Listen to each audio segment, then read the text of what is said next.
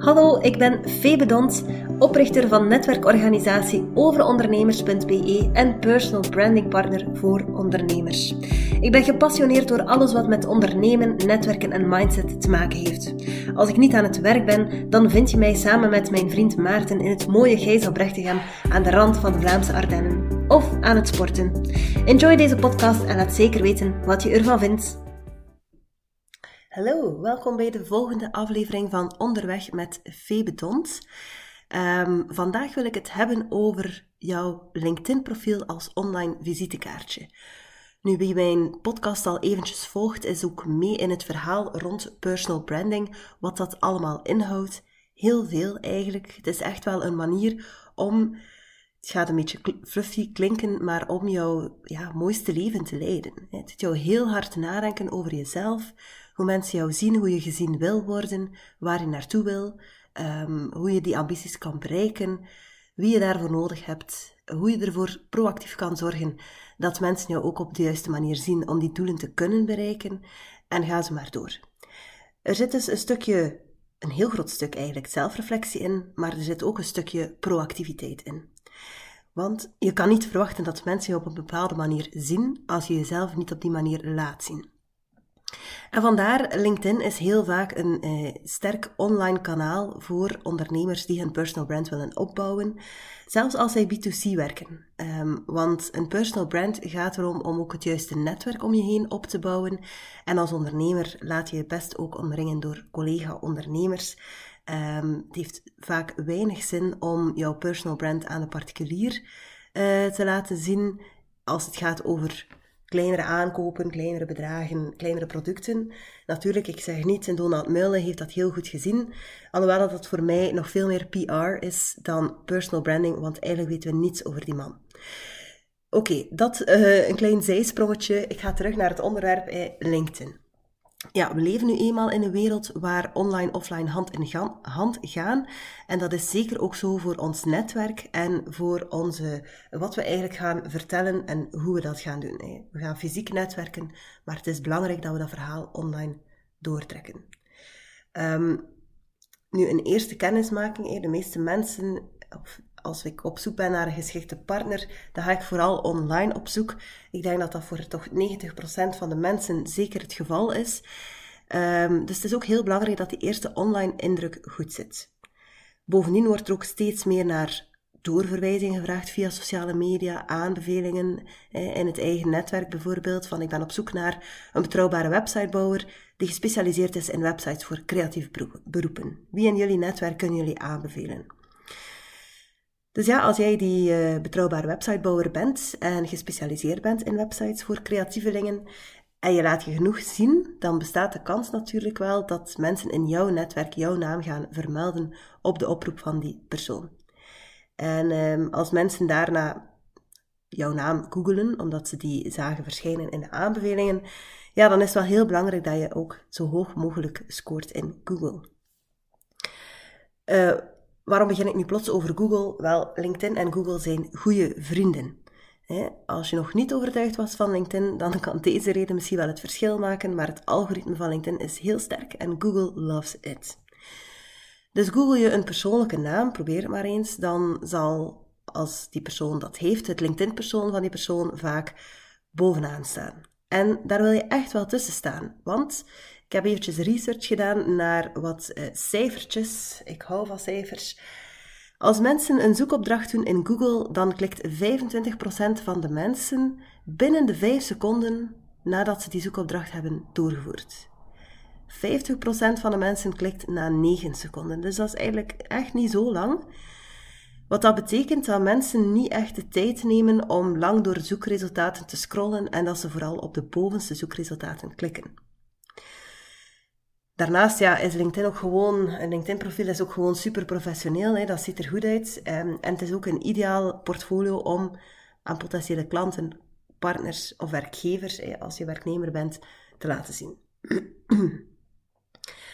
um, in deze podcast wil ik vooral ook dieper ingaan op vier elementen van een LinkedIn-profiel die voor mij heel belangrijk zijn om een goede eerste indruk te maken. En niet per se eerste indruk, maar telkens opnieuw een goede indruk te maken als mensen doorklikken naar jouw profiel. Eerst en vooral jouw profielfoto. Jouw profielfoto op LinkedIn van jouw persoonlijk profiel zou geen logo mogen zijn. Ik wil, als ik jou vaak zie voorbij komen op LinkedIn en als ik jou dan zie of toevallig ontmoet op een netwerkevent, dat ik jou op zijn minst kan herkennen. Of dat ik het gevoel heb, hm, ik herken u precies. Ga daar dus niet te licht over. Hè. Geen snelle selfie, geen vakantiefoto met een hoed of een petje, geen foto met je hond of je partner, maar een professionele en vooral recente foto. Um, recent, waarom zeg ik dat? Omdat er heel veel ondernemers zijn die een oude foto op LinkedIn plaatsen of die die in geen acht jaar of vijf jaar veranderd hebben. En eigenlijk zijn ze onherkenbaar geworden. En believe me, dat is geen compliment. Dus ik update mijn foto quasi jaarlijks. Uh, ook omdat ik geregeld nieuwe foto's laat nemen. En het altijd fijn is om die te kunnen gebruiken natuurlijk. Maar, kanttekening, gebruik wel dezelfde foto op je verschillende online profielen. Persoonlijke profielen dan, waar je geen logo plaatst. Zeker als je die profielen voor, uh, voor professionele doeleinden gebruikt. Ja? Jouw profielfoto is in dat geval een beetje een logo van jouw personal brand. Als je overal dezelfde foto gebruikt, gaan mensen niet twijfelen of dat ze wel het juiste profiel uh, aanklikken. Zeker niet als je naamgenoten hebt.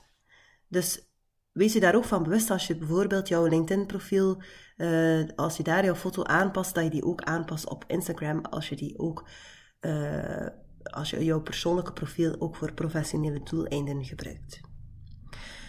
Dus profielfoto moet professioneel en recent zijn. Professioneel betekent wel niet altijd dat je uh, professionele fotograaf moet inhuren voor jouw foto. Uh, mag natuurlijk, zal sowieso veel sterker en beter zijn dan dat je het zelf doet. Maar je kan ook zelf mooie, clean foto's nemen die geschikt zijn voor LinkedIn. Een tweede belangrijk onderdeel voor een optimaal profiel is jouw kopregel. Het stukje tekst dat meteen onder jouw naam verschijnt. Dat kan je een beetje zien als een slogan of tagline van jouw persoonlijk merk. Het hoeft wel niet per se een volzin te zijn. Dat mag, maar dat hoeft niet. Ehm, ik hou er wel van dat er een aantal verschillende elementen in zitten die dan uh, gescheiden worden door zo'n recht streepje. Maar wat ik vooral belangrijk vind bij een kopregel is dat het meer zegt over jou als professional, maar ook als persoon. En dat laatste is echt belangrijk, want als je verschijnt in het overzicht, op de homepage, in de feed, dan wil je echt wel dat mensen zin hebben om jou te leren kennen. Ah, leuke foto, wat er hierin staat, dat triggert mij. Ik ga een keer doorklikken naar dat profiel. Dus welke vragen kan je jezelf stellen om daar iets uh, waardevols te plaatsen als kopregel? Dat is bijvoorbeeld, welk probleem los ik op en voor wie? Kan je daar iets mee doen? Of, dankzij welke persoonlijke waarden of kenmerken ben ik daar ook goed in om dat probleem te kunnen oplossen? Welke andere interesses of kennisvelden zijn misschien een meerwaarde voor de mensen met wie dat ik wil werken?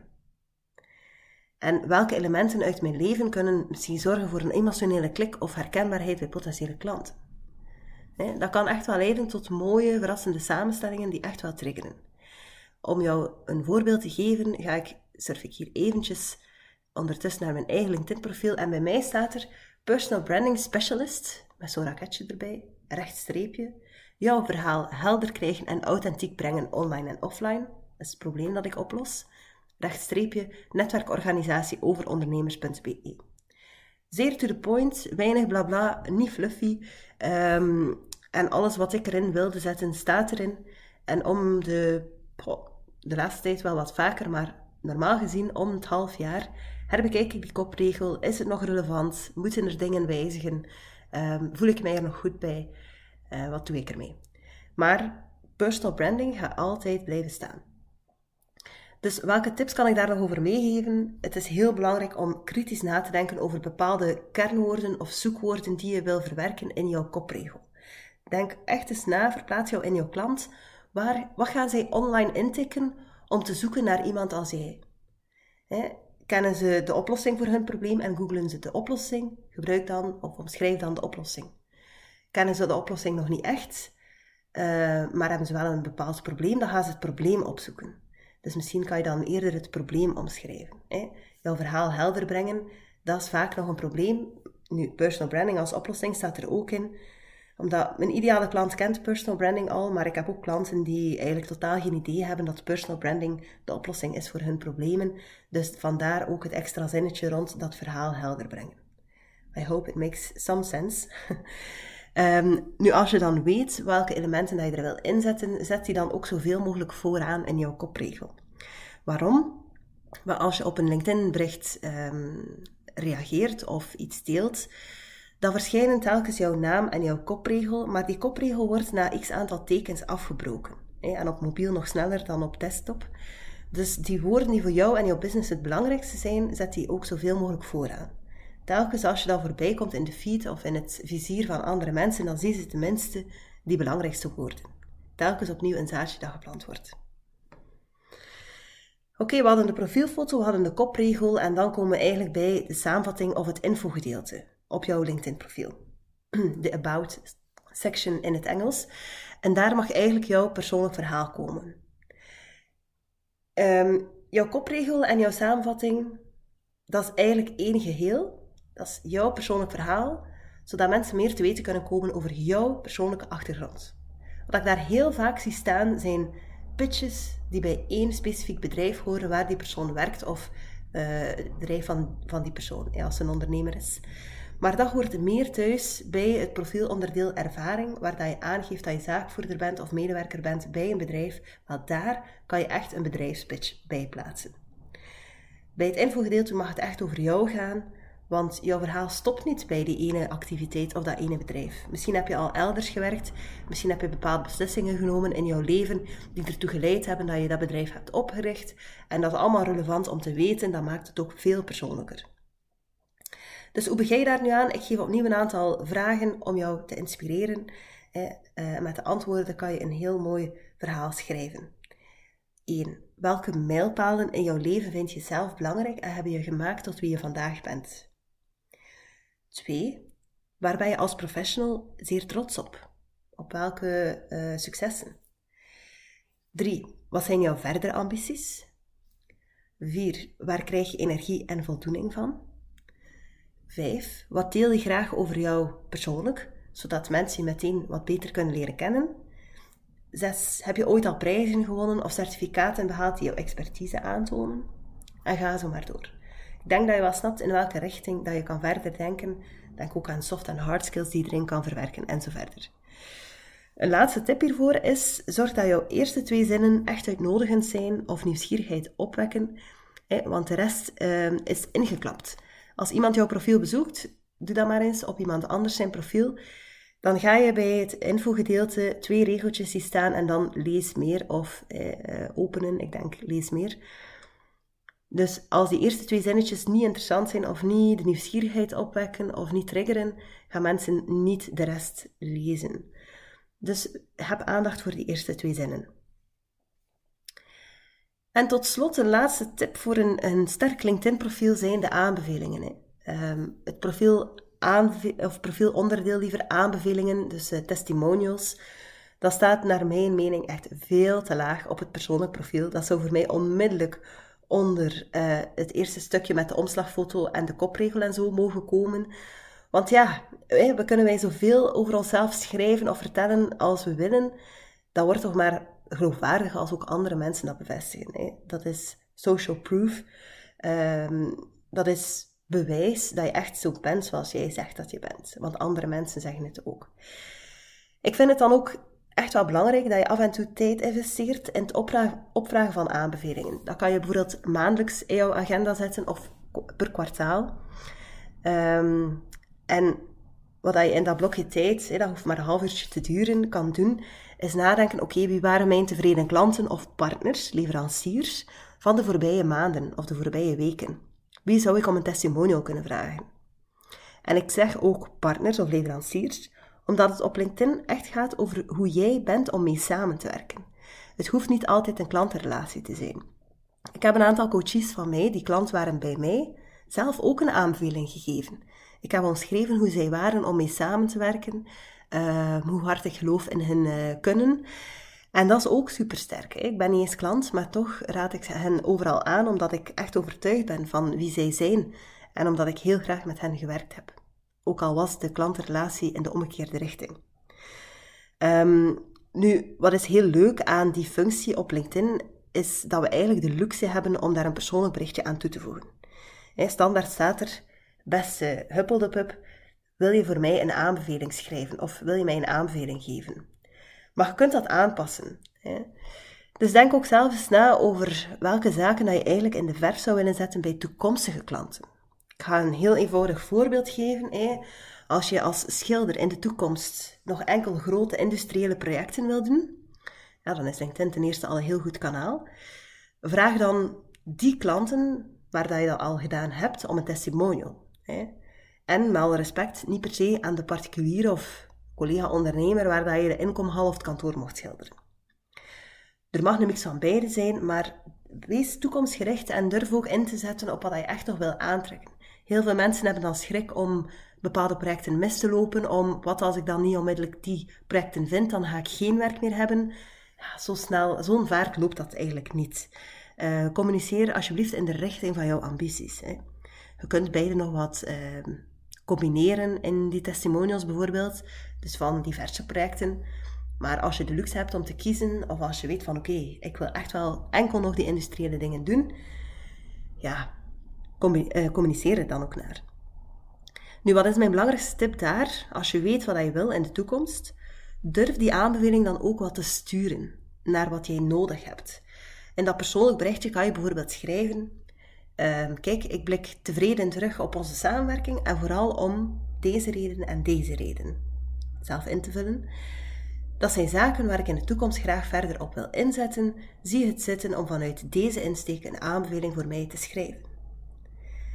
En vraag daar misschien nog bij of dat je de aanbeveling ook uh, met jouw netwerk en bijvoorbeeld op je website mag delen. Dat heeft je dan weer wat relevante content, kan je op verschillende kanalen gaan delen, kan je veel mee doen. Wie niet waagt, niet wint. voilà, dat waren mijn vier belangrijkste tips. Dus een professionele profielfoto, een sterke kopregel met de belangrijkste zoekwoorden vooraan en verplaats jou in jouw klant. Wat gaan zij zoeken? Eigenlijk verplaats jou in jouw klant en denk ook na hoe wil ik gepercipieerd worden. De combinatie van die twee gaat ervoor zorgen dat je de juiste woorden gaat gebruiken. Um, dan hadden we nog het infogedeelte. Daar moet jouw persoonlijk verhaal komen, geen pitch van jouw bedrijf. Die kan er voor een stukje uiteraard in zitten. Hè. Um, als je daar uh, op dat moment mee bezig bent met dat bedrijf. Maar zorg dat het een ruimer verhaal is, dat het een beetje jouw levensverhaal is, dat het echt wel omschrijft waarom mensen met jou zouden moeten willen werken. En vier, investeer tijd in aanbevelingen, want dat is social proof, zegt superveel over jou. En het is interessante content waar je nog veel andere dingen mee kan doen. Zo, ik hoop dat je er iets aan gehad hebt. Ga ermee aan de slag. Tag mij op LinkedIn als je dingen gedaan hebt. Ik ga graag eens kijken. Geef jou graag feedback. Um, en ik geef ook regelmatig mini-coachings waarin LinkedIn ook aan bod komt. Dus kijk gerust eens op mijn website febedons.be ehm, en hopelijk zie ik jou daar ook binnenkort. Zo, dat was het. Ik hoop dat je genoten hebt van deze podcast en dat je er iets uit opgestoken hebt. Deel de aflevering gerust in jouw netwerk en laat me zeker weten wat je ervan vond.